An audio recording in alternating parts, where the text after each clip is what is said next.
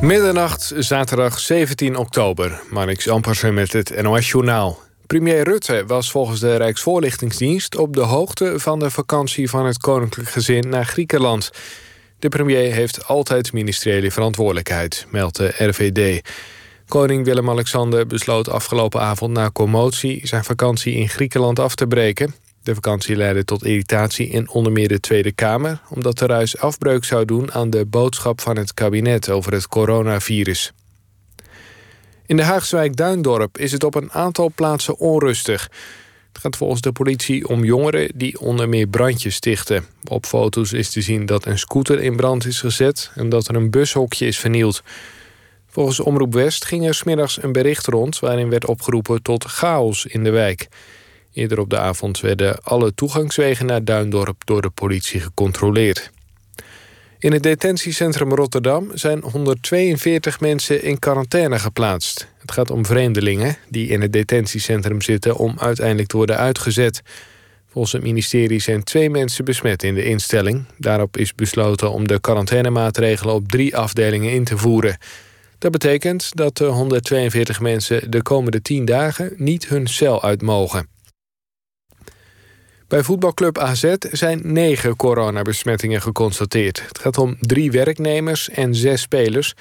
Vier spelers zijn van de A-selectie en twee van Jong AZ. De club heeft geen namen bekendgemaakt... en de besmette mensen zijn in isolatie gegaan. AZ heeft contact gehad met de KNVB... en de wedstrijd komende dag tegen VVV kan gewoon doorgaan...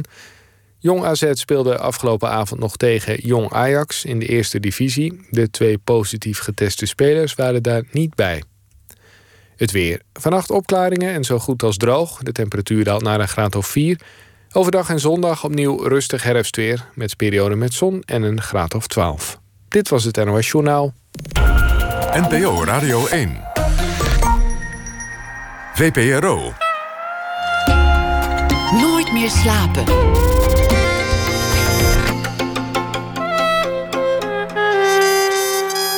Met Atze de Vriezen. Goedenacht en welkom bij Nooit meer slapen. Je zou het haast vergeten, maar een jaar geleden hadden we het met z'n allen helemaal niet over de coronacrisis, maar over de klimaatcrisis. En net daarvoor waren we met z'n allen in de ban van MeToo. Op het moment dat zo'n onderwerp vol op de agenda staat, dan lijkt echte verandering onvermijdelijk. Maar het verdwijnt ook zo weer uit beeld. Maar dat is niet de bedoeling vinden althans de makers van Casting the Pass. Een theaterstuk dat zich niet aan de kant liet schuiven door de nieuwe, strengere coronamaatregelen. En dat gewoon in première is gegaan voor 30 bezoekers. Het stuk is ook veel te belangrijk, vinden de makers van het Zuidelijk Toneel. Regisseur Bram Jansen en de jonge acteur Jort Knotter vertellen het verhaal van een manipulatieve casting director. Ja, die ene. En mijn gast van vanavond, Gerard-Jan Reinders, speelt een acteur op leeftijd die zijn jonge collega helpt om dat traumatische verhaal te reconstrueren. Gerard-Jan Reinders, geboren in 1949, heeft een meer dan rijke carrière achter de rug in het decor waar dit verhaal zich afspeelt. Hij studeerde af als regisseur aan de theaterschool in Amsterdam in 1973, werd amper vijf jaar later artistiek leider bij het Zuidelijk Toneel Globe. En in 1987 kreeg hij diezelfde rol bij het toen spiksplinternieuwe toneelgroep Amsterdam. En de laatste twintig jaar flitste hij als vrije vogel van gezelschap naar gezelschap, van theater naar theater. En dat leidde alleen al dit jaar tot drie voorstellingen. Casting de Pas dus, de Zeeuwse voorstelling Janice en ook nog eens de wonderbaarlijke wereld van Boudewijn Buug. Welkom, Gerard-Jan. goedemorgen. Ja, goedemorgen, ja. Uh, ja, je hebt... Oh, even, de première moet nog komen. Dus Oké, okay, dit is een try-out. Ja, ja, precies, ja. Je hebt uh, na 2000 zo'n beetje elk theater uh, van binnen gezien. Hoe, hoe is het dan om nu te beseffen dat overal het licht uit is, zo'n beetje? Uh, ja, dat is treurig. vanavond hebben we dus de eerste, het eerste try-out gespeeld voor 30 man. En ja, dan ben je wel aan, aan het toneel aan het spelen... maar het applaus is nog niet afgelopen of iedereen is weg. Ja. Dus je hebt helemaal geen feedback. Je weet niet wat er gebeurd is. Je kunt, je kunt alleen maar heel goed luisteren. Zijn ze geconcentreerd of zijn ze verveeld? Het is ook niet een voorstelling uh, waarbij de acteurs gewoon het publiek in, in, kunnen kijken. Dat slaat nergens op. Dus ik weet het niet. We hebben wel lekker gespeeld hoor, dat wel. Waar, daar waren we het over eens. Maar het is echt of je het met z'n tweeën doet. Want je leest als het ware normaal gesproken een, een, een zaal. Je weet wat. Een, zeker als je vaak op het toneel gestaan hebt, dan weet je wat een zaal vindt moment kun dat je, je- dat, dat kun je zien, maar er zijn natuurlijk ook voorstellingen waarbij dat niet kan. Want nou ja, dan speel je met een vierde wand, heet dat. Maar dan zie je na afloop, kom je dan mensen tegen in, in het café of aan de bar. En dan, die zeggen wel, nou, we vonden het zus of zo. Of eh, wat bedoelen jullie nou eigenlijk? Maar dat, die, dat is nu weg. Waarom is het zo belangrijk dat juist deze voorstelling doorgaat? Nou, ik vind het een heel belangrijk onderwerp. Al meteen toen we eraan begonnen, en dat is al bijna eh, ruim een jaar geleden dat ik ervoor gevraagd werd. En in november zijn we al gaan repeteren. Eh, toen was het dus inderdaad heel erg eh, hot. En daarna is het een beetje weggekabbeld en is er vooral. Zijn er geluiden om je heen te horen van... ach, het valt allemaal wel mee en het is allemaal niet zo erg. En die mensen stellen zich een beetje aan. En eh, Is dat zo? nee, Maar die verhalen hoor je. ja, die hoor je steeds duidelijker. En ik moet je eerlijk zeggen, ik zelf had in het begin ook iets van... ja, kijk, echt goede acteurs overkomt zoiets niet. Die hebben dat helemaal niet nodig. Maar nu ik me er Ja, dankzij... Was dat je gedachte, ja? Ja, eerlijk Dat het echt wel. gewoon alleen de zwakkelingen die, die Ja. zichzelf eigenlijk te koop aanbieden, bij wijze van spreken. Ja, die, die alles doen de voor- klauwen voor van zo'n casting director. Die alles maar doen voor, eh, om zo'n rolletje te krijgen... waar ze nauwelijks kans op maken. Maar omdat en Bram, de regisseur, en Jort, mijn tegenspeler... allebei ervaring hebben gehad, letterlijk aan den lijve... ben ik er toch wel iets anders over gaan denken. En eh, zie ik dat het behoorlijk traumatiserend eh, kan werken. Ja, want het stuk is helemaal gebaseerd op hun ervaringen. Eh, ja, het is helemaal, niet helemaal, maar voor een groot deel is het op allebei hun ervaring. Die hebben we eigenlijk in elkaar geschoven tot één verhaal. Dus van twee verhalen hebben we er één gemaakt. Dus wat dat betreft is het fictief. Eh, en we hebben ook wat dingen erbij eraan toegevoegd. Ja, maar het was wel, als ik het zo begrijp, belangrijk om dicht te, te blijven bij die echte ervaringen, waardoor het een des te Absoluut. geloofwaardiger verhaal wordt. Het moet niet grotesk worden, het moet Nee, niet nee, nee. En, en eh, het is misschien af en toe heel erg eh, dat je denkt van hè, maar juist om, omdat heel duidelijk wordt dat het echt is, eh, komt het harder aan, denk ik. Het begon een paar jaar geleden natuurlijk ver weg van ons. Met Harvey Weinstein, die, die Amerikaan die, Ja. eh, die in, eh, in opspraak raakte. Dan lijkt het allemaal nog vrij ver weg. En dan is het ineens in de Nederlandse theaterwereld. Hoe heb je daar destijds naar gekeken? Ja, ik dat was, ontrolde. ik was tamelijk verbijsterd. Er- Die, er waren altijd wel verhalen en geruchten, maar dan denk je, ach, ach, dat is een beetje be- met elkaar dollen of zo. Dat zal wel meevallen. Die jongens hebben gewoon lol met elkaar. Maar als je dan langzamerhand erachter komt wat er dan echt aan de hand is of was, ja, dan was ik in ieder geval tamelijk verbijsterd. Van, oh, gaat het zo? Want het is, het is het, het, het, het, wezen is, gaat niet over, over seksueel misbruik. Dat, dat, bij zoiets stel ik me bloedige verkrachtingen voor. Het gaat over een hele sluwe, slinkse vorm van machtsmisbruik en van manipulatie. En dat is veel subtieler dan dat alleen maar seksueel misbruik. Eh, het gaat over macht. Er is iemand en die heeft macht en die heeft dus werk te verdelen. Die kan rollen aanbieden. En die houdt iemand of een acteur zo'n rol voor. En die zegt, ja, die zou jij kunnen krijgen. En in ruil daarvoor eist hij dan wat, nou zeg maar, seksueel getinte wederdiensten. En heel langzaam, denk- aan de eerste keer denkt zo'n acteur... ach, het valt toch wel mee en waarom niet? En dan, Het hoort er misschien bij. het hoort er misschien bij. En wat, wat nog geraffineerder is... het quasi-artistieke argument wat zo iemand dan hanteert.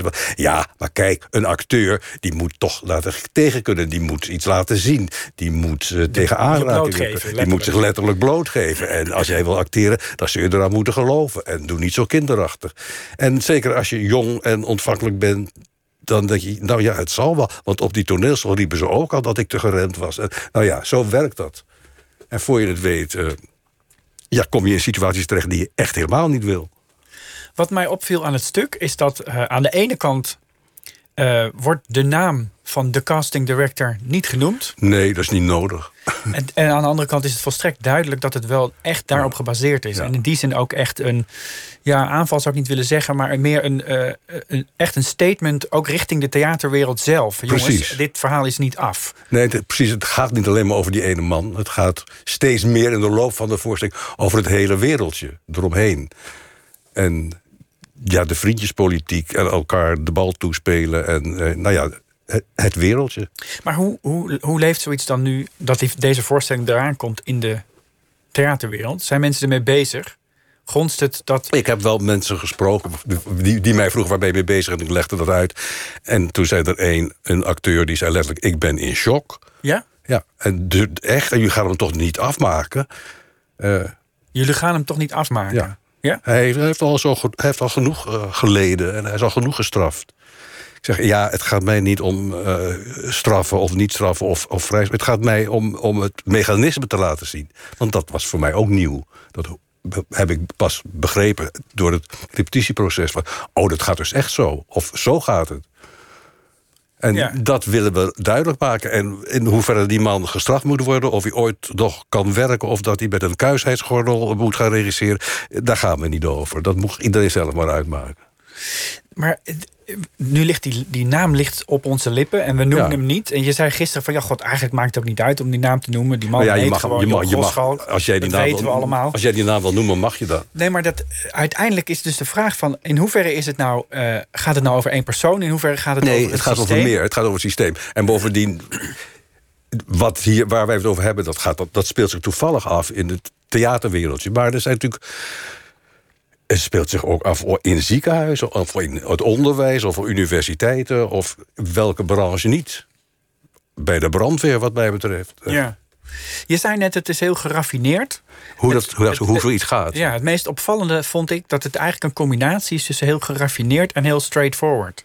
Het gaat aan de ene kant is het inderdaad een, eh, een subtiel spel van, van macht. Aan de andere kant is het ook bepaald niet subtiel hoe het uitgespeeld wordt. Nee. er wordt gewoon gezegd van kom, we gaan dit doen. En We gaan dit doen. gewoon mee. En, en als, je, als je niet wil. eh, kijk, jij, jij wilt toch acteren? Nou, dan hoort dit erbij. Oh, en dan, dan zet je dus de eerste stap als slachtoffer. En dan komt de volgende stap. En dan nog één en dan nog één. Eh, dus het is niet achterbaks. Het is, maar ja, het is wel. De dramaturgische opbouw is heel slim. Maar dat maakt het ook zo gek, die, die situatie van eh, hè, dit, dit soort dingen. Priesters die ergens in een eh, slaapkamertje achteraf jongens misbruiken, die daar niks over zeggen. Dat, dat, dat kan heel lang binnenskamers blijven. Maar dit soort taferelen die zich eigenlijk vrij open en bloot afspelen. Ja. Dat is eigenlijk zo gek, vind ik. Dat iedereen weet dit. Er er zijn altijd verhalen over bepaalde personen. Ja, maar ik denk dat ook de, laten we ze slachtoffers eh, noemen, eh, die, die schamen zich als het gebeurd is. Oh god, ik ben erin getrapt. En ja, die praten daar niet graag over. Die hangen dan niet aan de grote klok. Want dan ben jij de, ja, de naïveling die, die erin is getrapt. En dat wil je niet toegeven. Dus ik denk net als bij misbruik in de kerk, die slachtoffers houden hun mond.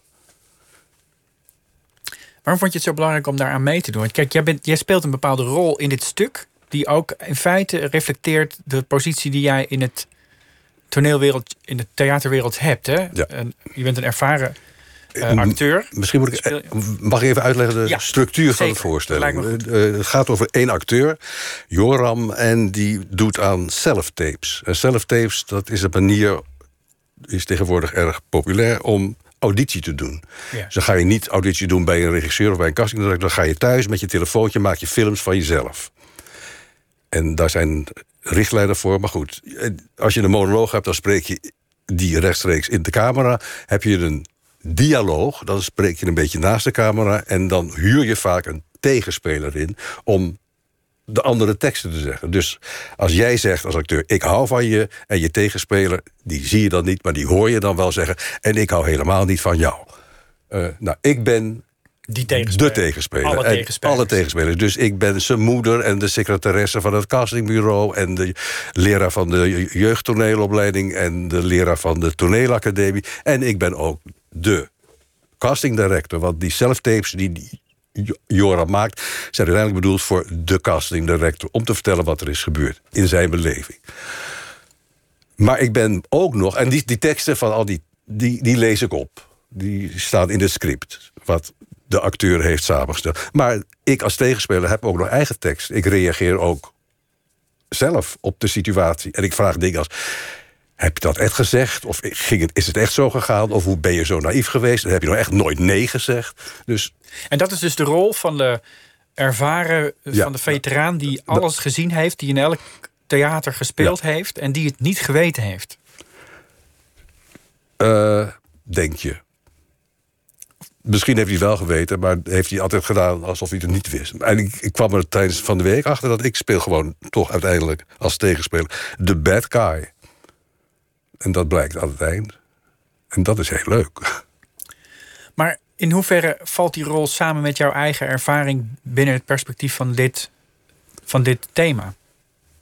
Niet. Nee, ik heb. eh, ik heb nooit MeToo-affaires, ook niet van dichtbij meegemaakt. En ik ben er ook nooit een slachtoffer van geweest. En ik heb er, voor zover ik weet, ook nooit schuldig aan gemaakt. Maar de, figuur die ik speel, die tegenspeler, eh, die zou dat heel goed wel kunnen weten. Alleen zegt hij dat niet. Nee. Maar als je dan, als dan zo'n heel verhaal zich ontrolt, ga je, dan ga je neem ik aan ook jezelf afvragen: had ik het kunnen zien? Had ik het moeten weten? Heb ik, ik heb ook met die man gewerkt. Je hebt niet heel veel. Nee, ik, heb, met, ik heb met die man gewerkt, nee, ik heb niks met hem eh, te maken. Ja, ik heb niks met hem. eh, Ik, ik, ik heb hem gekend, Ja. maar ik werkte altijd met zijn eh, voorganger Ha- eh, Hans Kemna, Kemna.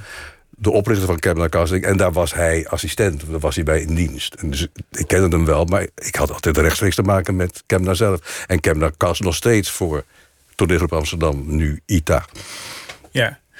Het is wel. ehm, dat, dat activistische is wel belangrijk aan dit stuk. Hè? Want ik, ik, ik herinner me ook van eerder dit jaar dat eh, Piet Menu, de artistiek Ja. leider van dit gezelschap, die eh, stuurde ook een open brief naar aanleiding van een incident dat zich weer deze zomer afspeelt. Het, ik had het eer- eerlijk gezegd bijna gemist. Maar Marcus Azini, Ja, ja, de leider ja. van Oostpol, kwam ook in opspraak. En dat werd eigenlijk vrijwel meteen onder het tapijt geschoven. Of dat werd gesust. Of Die, dat is geprobeerd, maar daar kwam toen behoorlijk veel protest tegen. En toen hebben ze de zaak toch weer teruggedraaid. En het resultaat is dat Marcus voorlopig op, in ieder geval op non-actief is gezet. Stond je daarvan te kijken dat dat zo snel. Nee, helemaal niet. Want eh, Bram, de regisseur, die eh, heeft eh, daar ook het een en ander meegemaakt. Toen hij daar, toen hij nog op de toneelschool zat in Maastricht, toen hij daar stage liep, had hij daar ook niet zulke leuke ervaringen. Dus toen op een gegeven moment duidelijk werd dat wij met dit stuk bezig waren, kwamen er al gauw verhalen van: ja, maar heb, ken jij die niet? En weet jij dan ook niet? En dus toen is deze zaak aan het rollen gebracht. Is dat eigenlijk door jullie aan het rollen gebracht? Eigenlijk wel, ja. Ja. Via, nou ja, het is een ingewikkeld verhaal, via een journalist van de Trouw. Die zei van, hé, hey, jouw verhaal lijkt op dat verhaal. Want er is eigenlijk een dynamiek die dan ontstaat binnen zo'n groep die werkt aan, eh, aan zo'n stuk. Want jullie zijn natuurlijk staan met z'n twee op het podium, maar er zijn natuurlijk meer mensen bij betrokken. Eh, waarin je dus eigenlijk een breed naar die hele theaterwereld in Nederland gaat kijken en zegt van goh, wat zijn eigenlijk jullie ervaringen? Waar, waar komt dit nog meer voor? Ja, En dat, of- dat mondt dus eigenlijk wel uit in een soort tot de orde roepen van een, eh, van een collega in feite. Ja, en dat is ook zo. Van, ja, kijk, eh, we, leggen ons er niet meer bij neer. Of we doen er niet meer stiekem over. We, brengen het naar buiten. Wat ik net zei, vaak overheerst schaamte. En gaan mensen, durven de mensen niet over te beginnen. Maar als de een zegt van ja, maar dit is, is mij overkomen, zegt de ander al gauw hoor, van, oh, maar dat herken ik. En hé, hey, dat accepteren we toch niet meer. Dus de, de zaak wordt dan aan het rollen gebracht. Ik kan me voorstellen dat dat, ehm, dat, dat misschien nog wel meer tot rumoer zorgt, voor rumoer zorgt dan, ehm, dan het stuk dat op de planken staat. Het feit dat het niet alleen op de planken blijft, maar dat er ook eh, open brieven worden geschreven, dat er over gepraat wordt, dat er echt, Nou ja, dat, dat er echt verandering ook een doel is van de voorstelling. Dat, is wel, dat willen we wel. In ieder geval dat er die discussie komt. En dat, en dat het dus verder gaat dan, uh, dan MeToo. Maar in ieder geval wat Bram betreft uh, het hele wereldje. En dat vind ik eigenlijk wel grappig. Want 30 jaar geleden heb ik ooit het stuk... Heb ik, niet ooit, heb ik een stuk Liefhebber geschreven. Over een toneelcriticus. Wat een vrij rabiate aanval was op dat hele toneel. En dat hele toneelwereldje eromheen. En ik vind dit eigenlijk wel. Ik vind het wel heel leuk om nu mee te mogen spelen in een soort opvolger van dat stuk. En dat is dus, kun je zeggen, ja, je bevelt je eigen nest. Ja, maar soms is dat. Uh, werkt dat heel reinigend. Is nodig. Ja, ja. denk ik wel. Er, er is natuurlijk, dit is natuurlijk een heel ingewikkeld iets. Hè? Kijk, op het moment dat iemand eh, casting director is en vraagt om seksuele diensten in ruil voor een baantje, dan is dat misschien vrij duidelijk dat dat een grens overgaat. Als je het hebt over een artistiek leider of een regisseur of een, iemand die werkt met acteurs en het beste uit ze probeert te halen, dan is die grens, lijkt me, wat ingewikkelder te leggen. Waar ga je dan grenzen over? Wat mag wel, wat mag niet? Ja, en dat is heel moeilijk. Wat is het fysieke aspect bijvoorbeeld van de regie van een stuk? Ja, ik vind. Er is maar eigenlijk één criterium, dat is machtsmisbruik. Eh,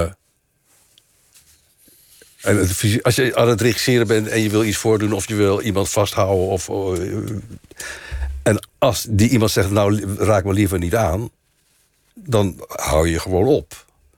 Maar als je dan zegt van oké, ik laat wel los, maar dan kun je de, je volgende rol kun je vergeten. Kijk, dat is machtsmisbruik.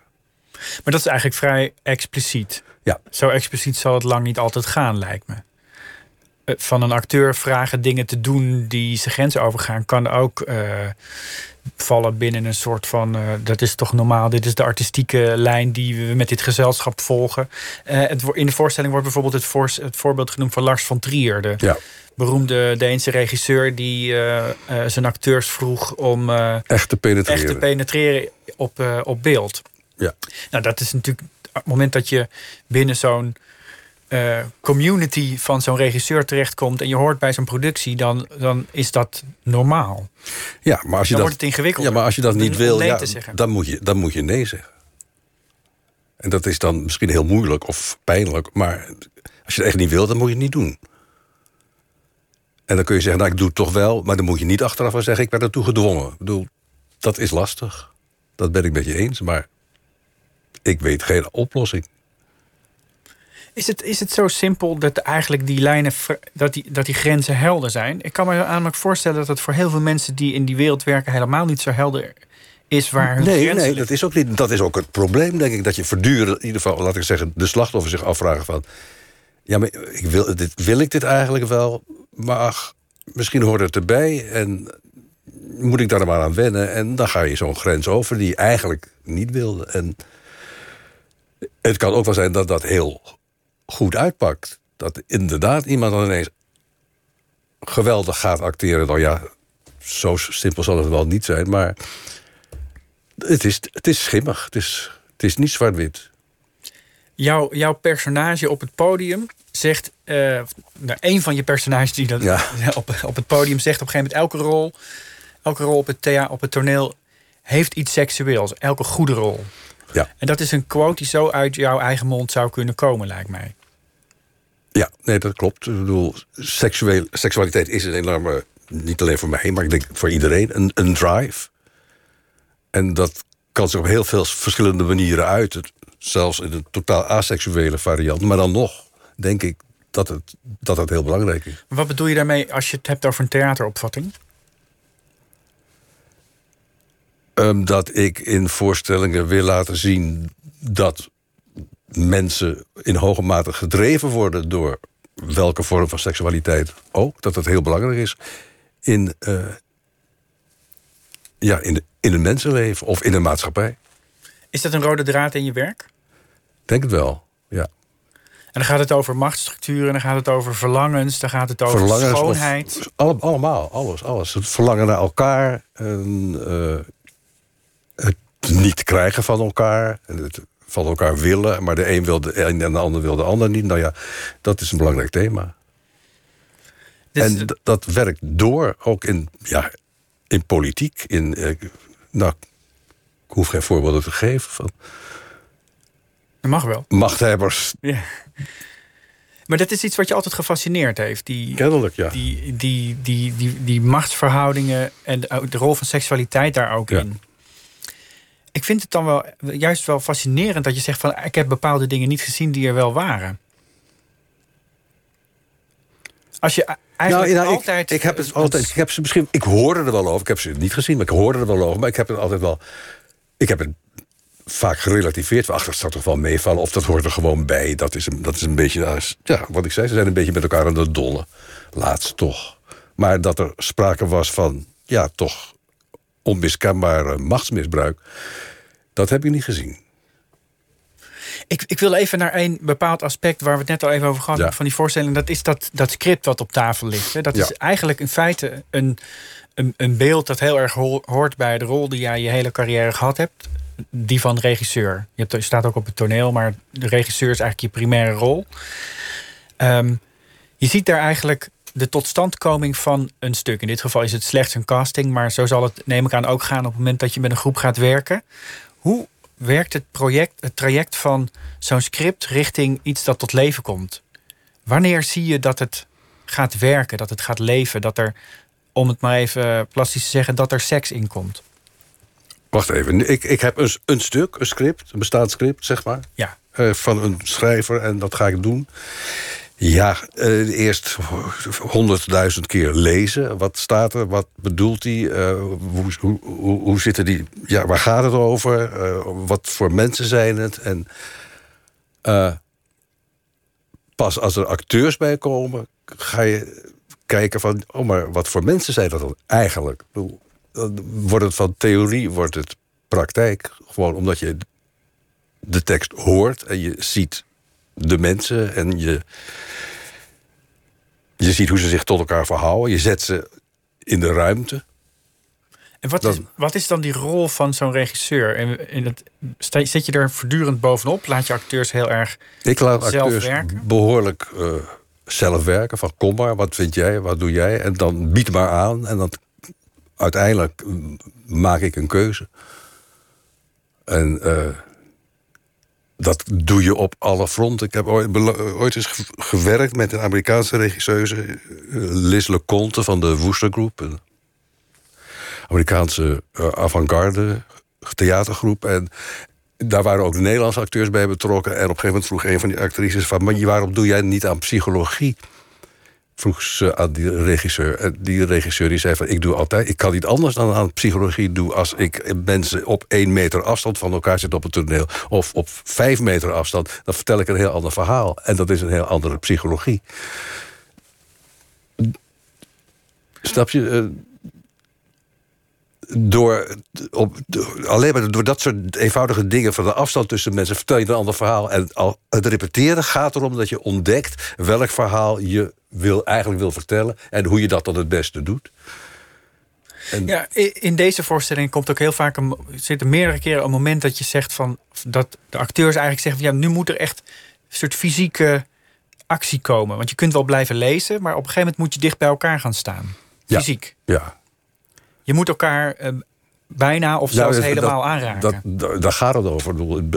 Dat is ook tijdens repetities ontstaan. Dat ik, omdat het over dit onderwerp gaat. Dat ik de- iedere keer als ik die, mijn tegenspeler aan wilde raken... omdat een scène daarop vroeg, dat ik eerst toestemming vraag. Vind je het erg dat? Mag ik even? Eh, en dat helpt ook om uiteindelijk het MeToo-verhaal te vertellen en te verduidelijken. Maar in de praktijk gaat dat neem ik aan niet zo dat je bij elke, Nee, nou ja, bij elke aanraking vraagt of dat oké is.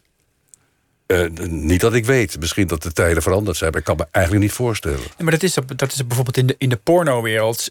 Schijnt dat dan nu, moeten allerlei regels komen. Dat er bepaalde momenten kunnen zijn dat iemand ja of nee moet zeggen. Ja, ja, maar ik, dat is, geloof, ik geloof dat die codes zijn ook gewoon überhaupt bij de, ook bij de reguliere films. Maar dat is toch, neem ik aan, in de theaterwereld niet gewenst ook. Je wil zo vrij mogelijk kunnen spelen, lijkt me. Dat wil je, maar het zou me niet verbazen als daar ook richtlijnen komen. Zou dat terecht zijn? Ah, ja, misschien wel. Maar ja, het wordt natuurlijk heel lastig repeteren. Dat je bij iedereen mag ik even, mag ik even. Je vindt het toch niet erg. eh, dat, dat wordt op zich het klucht. Het lijkt mij ook. Ja, maar het zou me niet verbazen. Het, het is natuurlijk wel iets van deze tijd ook. Je hebt Ja. een, he- een hoop decennia theater meegemaakt. Je kwam eind jaren 60 naar Amsterdam. Ging aan de eh, theaterschool eh, het, vak leren. Hoe, hoe kwam jij die wereld binnen? Hoe ging dat voor jou? Stond toevallig.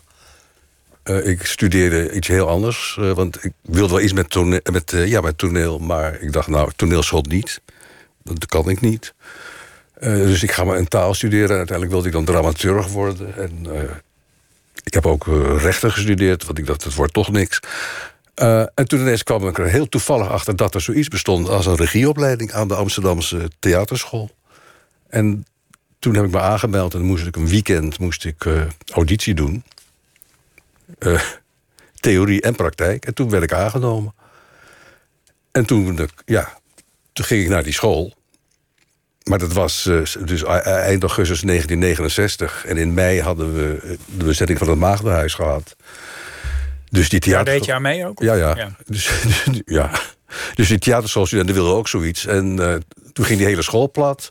Onderwijs werd afgeschaft, klassen werden afgeschaft... docenten eigenlijk werden ook afgeschaft. We mochten projecten doen, het kon niet schelen met wie. En een maand later, eh, dat kwam uit diezelfde studenten voor uh, de actie Tomaat. Nou, dat was mijn begin. Wat hield dat in, die actie Tomaat? Er werden tomaten gegooid naar het, naar het repertoire toneel in de, Zo simpel eigenlijk. In de Schouwburg. Ja. En voorstellingen werden onderbroken. En de ene actie naar de andere. De ene keer waren het tomaten, de tweede keer waren het broodjes. En uh, nou, er waren discussies. En uh, het toneel stond een maand of wat op zijn kop. Heeft dat een, een scheur veroorzaakt? Totaal. Die, Totaal. die gebleven is? Ja, want uh, uh, er waren een paar grote gezelschappen en een heel, heel weinig wat experimentele groepen. Maar die actie Tomaat heeft wel degelijk een omslag teweeggebracht. En bijvoorbeeld geleid tot het, de oprichting van het werktheater, toneelgroep Baal en nog wat andere onafhankelijk toneel. En dat werd veel meer collectieven en met een hele andere manier van werken. Die mensen die maakten hun eigen voorstellingen, hun eigen stukken. En de, dat hele hiërarchische wat je bij het repertoire toedeel had, dat, dat werd ondersteboven gegooid. Dus een hele andere manier van denken over het toneel en een andere manier van maken en, en spelen ook. Dat lijkt me ook een opwindende tijd. Als je, dat is wederom zo'n moment dat je het gevoel hebt dat je iets aan het veranderen bent. Ja. Dat heeft iedereen die op de barricade staat. Dat zien we dit jaar ook weer natuurlijk met die Black Lives Matters uh, beweging. Je hebt het gevoel, nu kan het, nu moeten we doordrukken. Nu gebeurt er iets. Uh, ja. En nou ja, dus gaan we een beetje de geschiedenis in. Je had, ik, ik ging al nauwelijks meer naar die, naar die reguliere theaters. Ik ging naar het Mikkeri Theater in Lunar Sloot... waar de internationale avant-garde te zien was.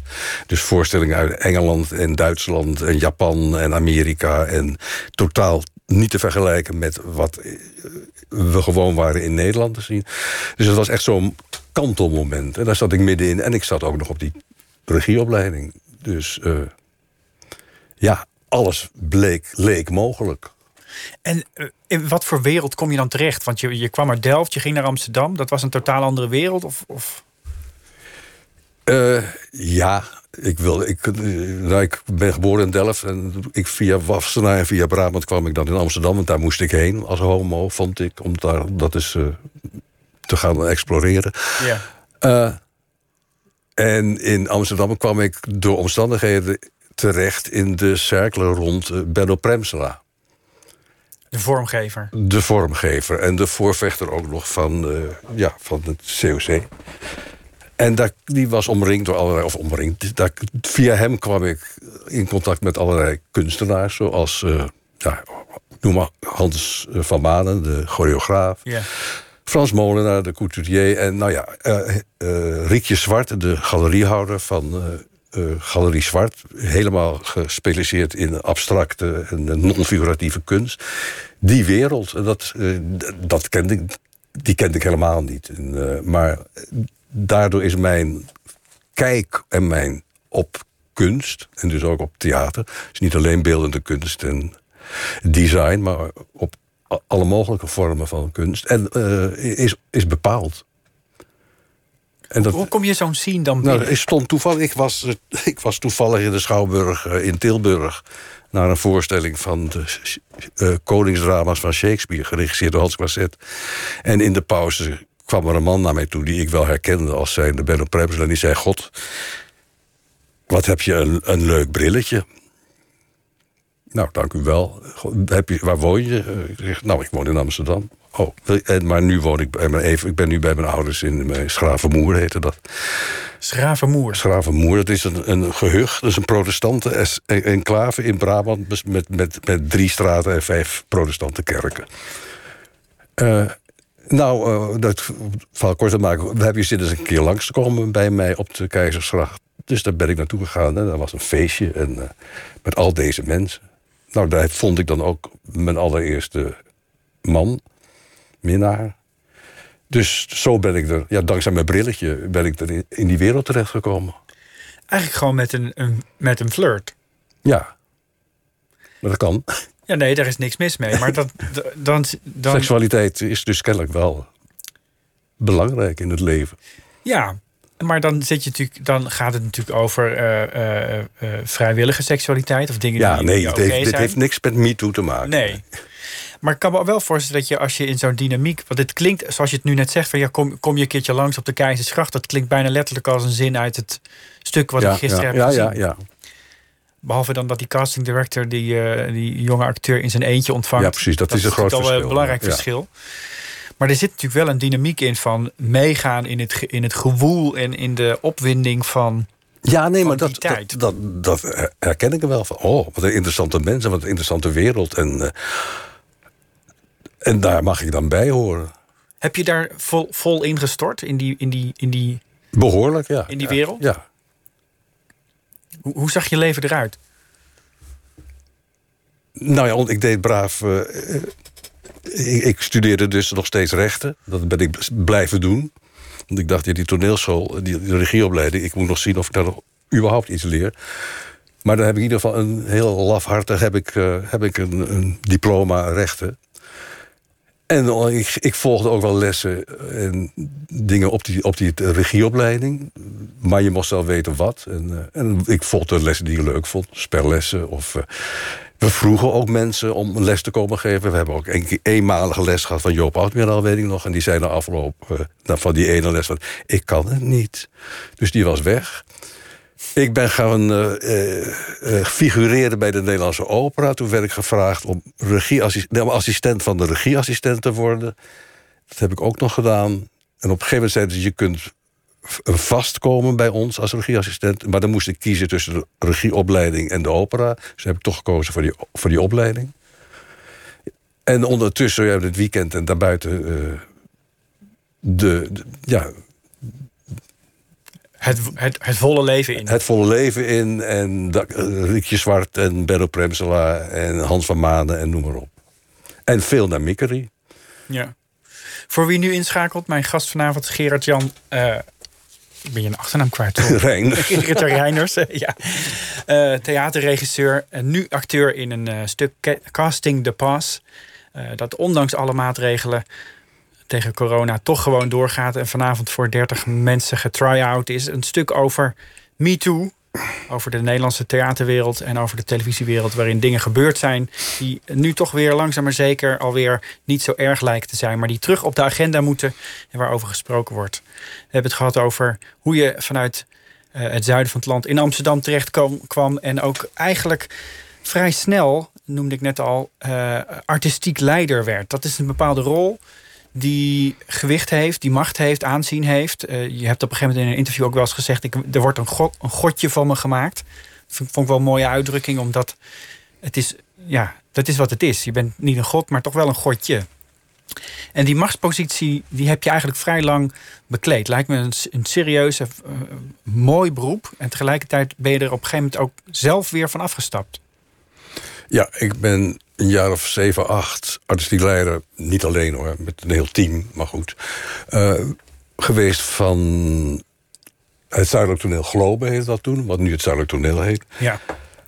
En daarna ben ik één jaar ben ik gaan freelancen. En dan heb ik ook nog een cursus drie camera regie gedaan.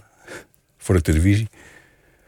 En toen ben ik gevraagd om op basis van de toneelgezelschappen Centrum... dat zat in Bellevue, speelde in Bellevue... en het Publiekstheater, dat bespeelde de stad Schouwburg... een nieuw gezelschap te formeren. En dat werd Toneel op Amsterdam. De rest is geschiedenis, heet het haast. Want dat is een, een belangrijk eh, gezelschap geworden. Dat is, was het- het, het grootste en misschien wel het belangrijkste gezelschap van Nederland. Dat, dat moet ook de ambitie geweest zijn bij de start. Het grootste en het belangrijkste. Ja. Nou, wat, wat mijn ambitie was, behalve zo goed mogelijk toneel te maken, om die, die verworvenheden van, zeg maar, noem maar het kleine zalencircuit. Of, of nou ja, die groepjes, zoals, of groepen, zoals het Werktheater en Baal... en nog veel meer andere groepen die er waren... om die naar de grote zaal te halen. Want dat waren altijd vrij gescheiden werelden. En uh, dat vond ik eigenlijk onzin. En ik voelde me eigenlijk meer thuis in dat andere soort toneel. Maar ik wilde dat wel uh, overbrengen naar de grote zaal. En in dat, feite daarmee eigenlijk ook de revolutie waar je in de eind jaren 60, begin jaren 70 deel van had gemaakt. Die scheuring in het ja. theater formaliseren eigenlijk. Ja, ja en, en, en ook uh, introduceren in de stad Schouwburg. Ja. En toen heb ik die montagevoorstellingen ontwikkeld. Wat voor een deel ook gewoon praktisch noodzakelijk was. In welke zin? Nou, dat was een groot gezelschap met bijna 30 uh, acteurs. En om die allemaal voldoende werk te geven... ja, daarvoor, zijn eigenlijk, daarvoor bestaan... Daar bestonden geen stukken voor. Dus die zijn we zelf gaan maken. Op een gegeven moment was het zo van... Uh, nou, mijn eerste voorstelling die ik daar maakte was Bakkelied. Dat was een stuk met alleen maar actrices en een slagwerker. Uh, de reden was dat mijn collega-regisseur Jan Ritsema... die wilde een voorstelling maken met alle, alle, mannen van het gezelschap. Ik zeg, nou, dat moet je vooral doen. Dus dan moest ik iets verzinnen voor alle vrouwen. Maar dat bestond niet. Een stuk voor 13 dames. Dat, ja, er, was, er is een stuk voor 40 dames, maar dat vond ik niet interessant. Uh, en toen vond ik toevallig dit boek over de uitvinder van het bakkerlied meneer Beekland. Een enorm Griekse tragedie, een enorm gruwelijke familiegeschiedenis met zelfmoord en drugs en incest. En uh, dat, dat ga ik doen. En dat werd mijn eerste productie en dat werd meteen een, ja, een eye-opener. Van, oh, dat kan ook in die stoffige Schouwburg. Het, ja, het werd eigenlijk een soort combinatie van repertoire toneel ja. en moderne, nieuwe... Drama nieuwe dramaturgie. Ja. En dat is een, een signatuur geweest die, uh, die, die nog steeds doorwerkt eigenlijk in dat gezelschap. Waarom, waarom heb je gekozen op een gegeven moment nou, om daar afstand meer, van te nemen? Nu niet meer, denk ik. Het is nu... Nou, het heeft lang zo doorgewerkt. Ja, ja, ja. ja, En ik heb een aantal van dat soort voorstellingen daar gemaakt. Ja, op een gegeven moment hè, wist ik het wel. Toen, op een gegeven moment zat ik daar bijna twaalf jaar. Dan heb ik dus in totaal bijna twintig jaar... was ik artistiek leider van een groot en uiteindelijk het grootste repertoire toneelgezelschap van Nederland. En ik was suf vergaderd. Want al die thema's komen iedere keer weer terug. Van het reizen en uh, ja, de, de, fricties tussen de acteurs... en waarom hij wel en zij niet. En op een gegeven moment dacht ik... en vergaderen. Uh, drie, vier keer in de week... Uh, anderhalf uur vergaderen. Ik dacht, ja, dat is, daarvoor heb, heb ik me ooit nooit ooit niet aangemeld bij die regieopleiding. Dus ik wil me concentreren op de kunst. Dat lukt niet. Maar op schrijven, op regisseren en op uh, af en toe spelen. Kortom, op theater maken. Dat is een, dat is een, een, een belangrijke en, en echt heel erg voor, je, voor jou persoonlijk veranderende beslissing geweest. Ja. Wat heeft het je opgeleverd? Relatieve vrijheid. En uh, niet meer zekerheid. Je moest iedere keer moet je denken van... God, krijg ik, word ik gevraagd? Uh, waar, waar, waar kom ik dit seizoen terecht? Of volgend seizoen? En, uh, en je komt ook ik, terecht in theaters en bij gezelschappen... die niet zomaar 1, 2, 3 uh, zeker zijn van hun subsidie. Ook dat. En je, je moet iedere... Kijk, als je een eigen ensemble hebt... dan, dan ontwikkel je je taal, een eigen taal. Dus dan hebben vaak, als het goed gaat, mensen maar een half woord nodig. Oh ja, je bedoelt dat. Terwijl als je steeds met nieuwe acteurs moet gaan werken... en nieuwe ensembles, dan moet je iedere keer opnieuw beginnen. En uh, ja, dat, dat is wel eens lastig. En ook, bijvoorbeeld, ik heb ook in Duitsland gewerkt... waar mensen iets hadden wat, wat, wat doet die gek? Wat, waar is die mee bezig? Want die zijn dat helemaal niet gewend. Om niet uh, hiërarchisch te willen werken. Je wilde eigenlijk af van die, van die positie waar je op zat. Van die, van, ook van die machtspositie. Voor, en, voor, ja, en, ook van die, een... en ook van die verantwoordelijkheid. Van, laat mij maar gewoon lekker toneel maken met, uh, met een paar mensen. Die, die machtspositie en het feit dat mensen je een godje als een godje beschouwen. Ja. Vond je dat op, ook wel aangenaam? Of is dat... Het streelt je ijdelheid, maar het is niet altijd leuk. Want je bent er niet zeker van of ze, als ze aardig tegen je doen of ze dat tegen jou doen of tegen je functie. Doet dat ertoe? Ja, want ik, vind, ik wil leuk gevonden worden. Echt? Om, om, om, wie, om wie ik ben en niet omdat ik de directeur ben. Er zijn ook mensen die zeggen: ja, ik bekleed een bepaalde positie en daarvoor uh, ma het maakt me niet uit of ik aardig gevonden word. Maar Ja. dat, dat vond je kennelijk wel belangrijk. Dat vind ik wel belangrijk. Ik- Als ik niet aardig gevonden word, dan functioneer ik niet zo heel erg Nee? prettig. Nee. Wat is nou van al die voorstellingen en al die. Het zijn er 200, weet ik veel. Maar ga, maak je vraag ja, ja, af. nee, Ja. maar van. Kijk, dat je, je, hebt, je, hebt een soort, je bouwt aan een soort solide werk met een gezelschap waar Ja. je dagelijks mee werkt. En vervolgens ga je eh, de wijde wereld in. En dan kom je op allerlei plekken terecht. Ja. Dan, dan kan niet alles even constant zijn. Dan zijn er dingen die heel eh, goed lukken. Er zijn Ja. ook dingen waarschijnlijk die totaal mismatch blijken te zijn. Wat is nou de, het project waarvan je denkt, nou, uit, uit mijn latere carrière is dat het stuk wat echt het meest gelukt is? Vind ik een hele moeilijke vraag. Het eerste wat naar boven schiet, maar dat is ook al een tijdje geleden alweer. Ik heb twee voorstellingen gemaakt met eh, de actrice Sascha Bulthuis bij de Appel. Dus twee, eigenlijk twee monologen, of, die ik zelf geschreven had. En eh, dat waren, één hebben we gespeeld in het Museum Beelden aan. En één in het Theater de Appel. En dat, ja, het werken met haar, dat heeft iets opgeleverd. eh, ja, dat maakt het de moeite waard, zal ik maar zeggen, om die baan, die vaste baan op het Leidseplein te hebben opgegeven. Maar daarnaast heb ik echt heel veel voorstellingen gemaakt, hoor, waar ik eh, met veel plezier aan terugdenk. En er zijn er, eigenlijk geen één waarvan ik denk van, nou, dat had ik maar beter niet kunnen doen. Je bent dan op een gegeven moment zit je in die positie dat iedereen je kent en dat je eh, aan, het, aan het hoofd staat van een toonaangevend ge- eh, gezelschap. En dan geef je op een gegeven moment ook een, eh, een, een spraakmakend interview in de NRC, waar je echt zeer zelfverzekerd vertelt over niet alleen je visie op kunst, maar ook over je privéleven, over je seksualiteit en over, over hoe dat allemaal met elkaar te maken heeft. Daar, daar zit ook een. ehm, eh, daar, als ik dat interview nu teruglees, dan zie ik ook een soort man in de totale kracht van zijn carrière, in de kracht van zijn leven. En tegelijkertijd zit daar ook een interessante passage in die gaat over ouder worden. En dat vond ik een, een hele interessante passage, omdat je daar eigenlijk nu natuurlijk helemaal zo oud nog niet bent. Het is 1997 en daar zeg je, voor een, voor een homo is het moeilijker om ouder te worden, omdat je op een gegeven moment merkt dat je seksualiteit afbrokkelt en verdwijnt. En eigenlijk raak je daarmee iets van je levenskracht kwijt. Zoiets zeg je in dat stuk. Nu zijn we twintig jaar verder ruim. Hoe, hoe kijk je daar nu op terug? Dat ik dat toen gezegd heb. Ja. Nou, het- heeft ermee te maken dat toen ik net in Amsterdam was, dus nog, nog geen 18. En voor het eerst in, in de homokringen kwam dat, al, dat ik als eh, dingen hoorde zeggen als, nou ja, als homo, kijk, als je 30 bent, is het afgelopen. Echt, dat, Dat zeiden ze. Dat was, Dat beetje, was het gevoel. Je moet het nu. je moet het nu pakken, want eh, na 30 dan ben je te oud. En dat geloofde ik. Ik dat zal wel. Maar toen werd ik 30 en dat viel dan reuze mee. Maar ja, ouder worden en afnemende seksualiteit. Natuurlijk is dat niet leuk. Maar eh, ja, het heeft ook weinig zin om je er tegen te verzetten. Maar ik had het gevoel, als ik dat stuk toen teruglas, dat je op een soort schakelpunt zat waarbij je het gevoel had dat je daar wel tegen moest verzetten. Misschien was dat zo, maar eh, dat, eh, dat heeft natuurlijk geen enkele zin. Nee, dat lijkt me ook niet. Maar- maar, maar, wat betekende dat op dat moment voor je?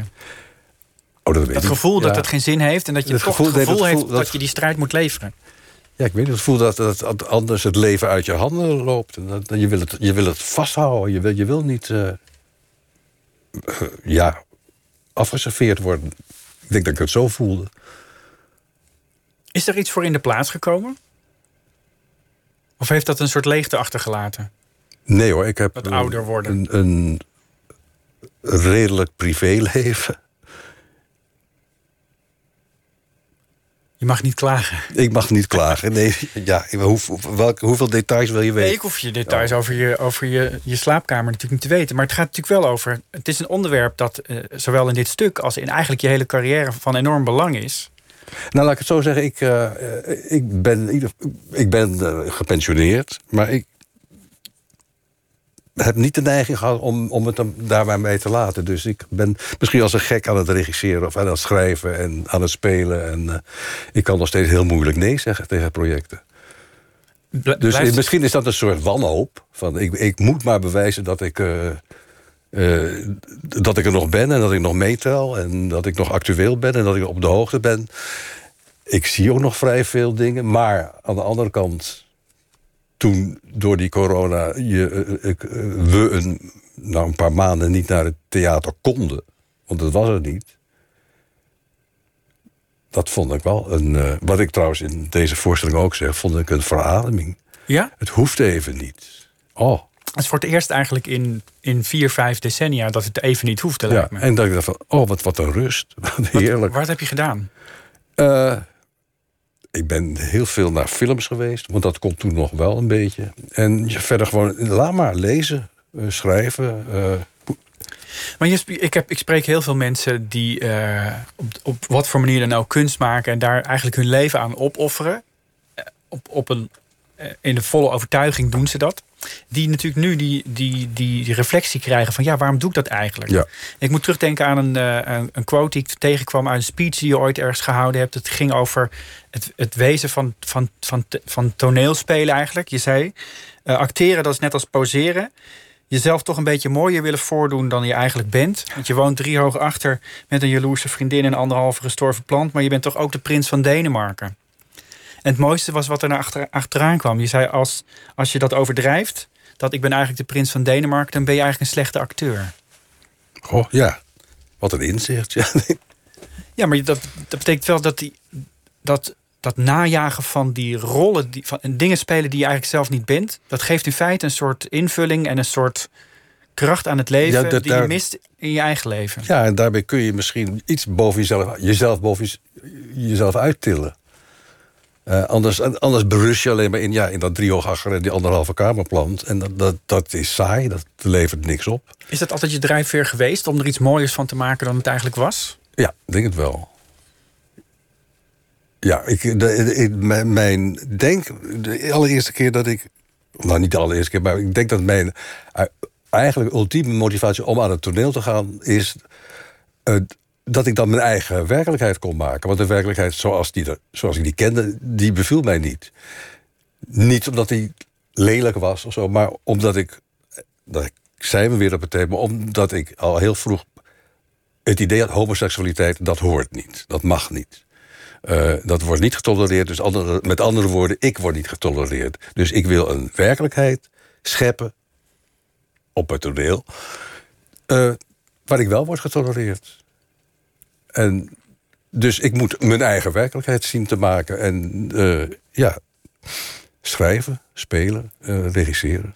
En dat maakt misschien ook logisch dat je de rol van regisseur eerder interessant vond, meer interessant Precies, vond dan, ja. dan puur een rol te spelen in Ah, zo'n stuk. Acteur heb ik nooit geambieerd, eigenlijk. En, nou, ook omdat ik me geen acteur voelde. Ik ben geen comediant. Eh, maar gewoon de, een werkelijkheid creëren en naar je hand zetten. En letterlijk ontwerpen en, eh, en dus regisseren. Wat kun je nu dat je 30 jaar geleden nog niet kon? Als acteur, als regisseur, als, als vakmens? Ja, ik heb in de loop, maar dat kan ik al vrij lang hoor, in de loop der jaren wel uitgevonden dat niets doen, met rust laten. eh, in het begin was ik een heel druk baasje, denk ik. En was ik heftig aan het regisseren en aan het commanderen en aan het schreeuwen en het letterlijk duwen en trekken. En nu heb ik, maar dat heb ik al een tijd, kan ik achterover gaan zitten en, en kijken en luisteren en me verbazen. Hoe werkt dat nu met zo'n jonge groep mensen die een idee heeft, een verhaal heeft gemaakt en jou vraagt om in te schrijven? Ehm, dat vind ik heel erg leuk om te kijken van hoe, eh, hoe, dat gaat en hoe zij denken en hoe zij dat doen.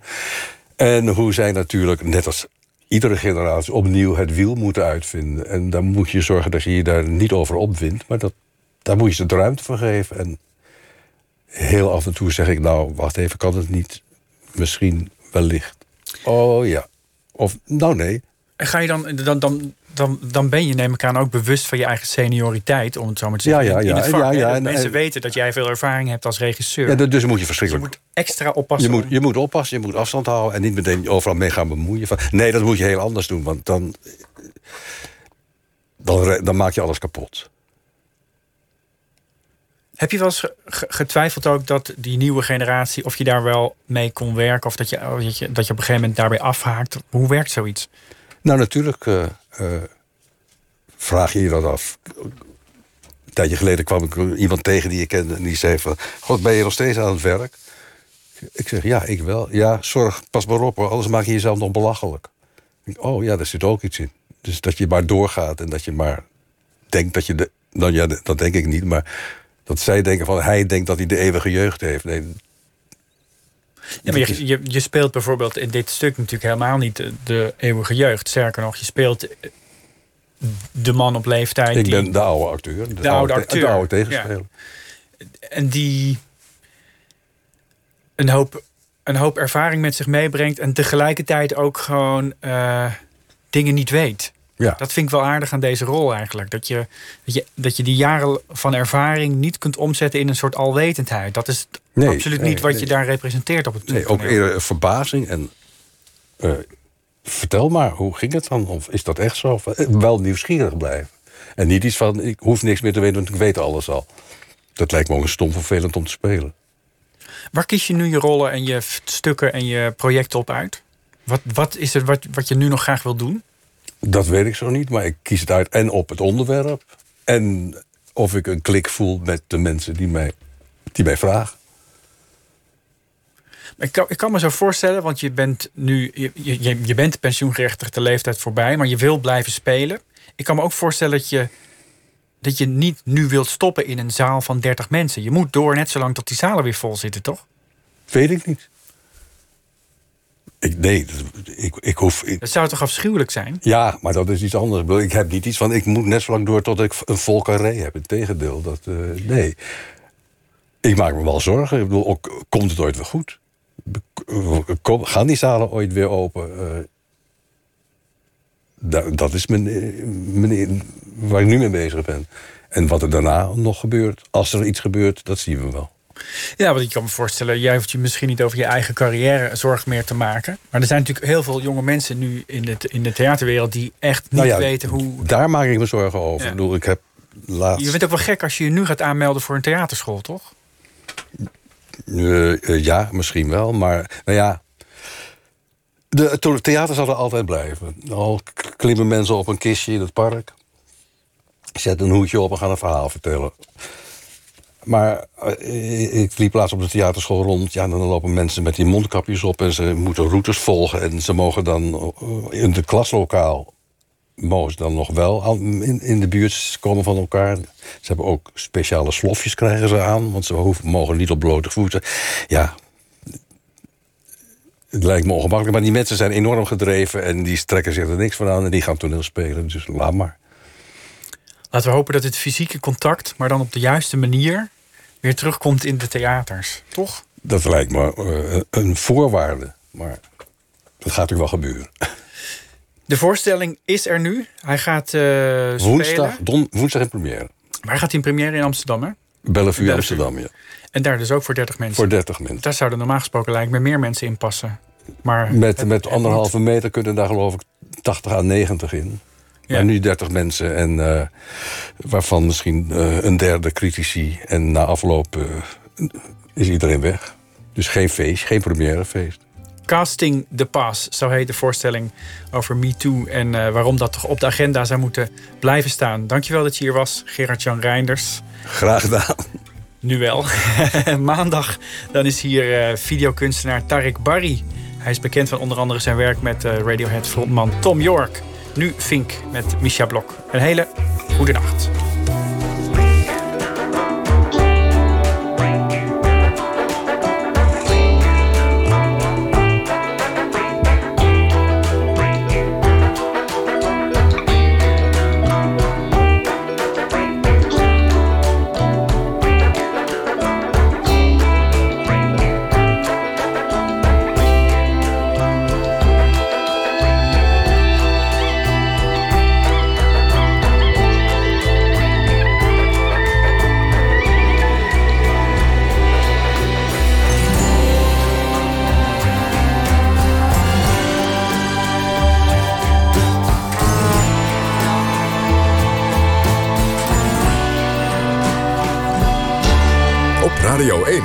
Het nieuws van alle kanten.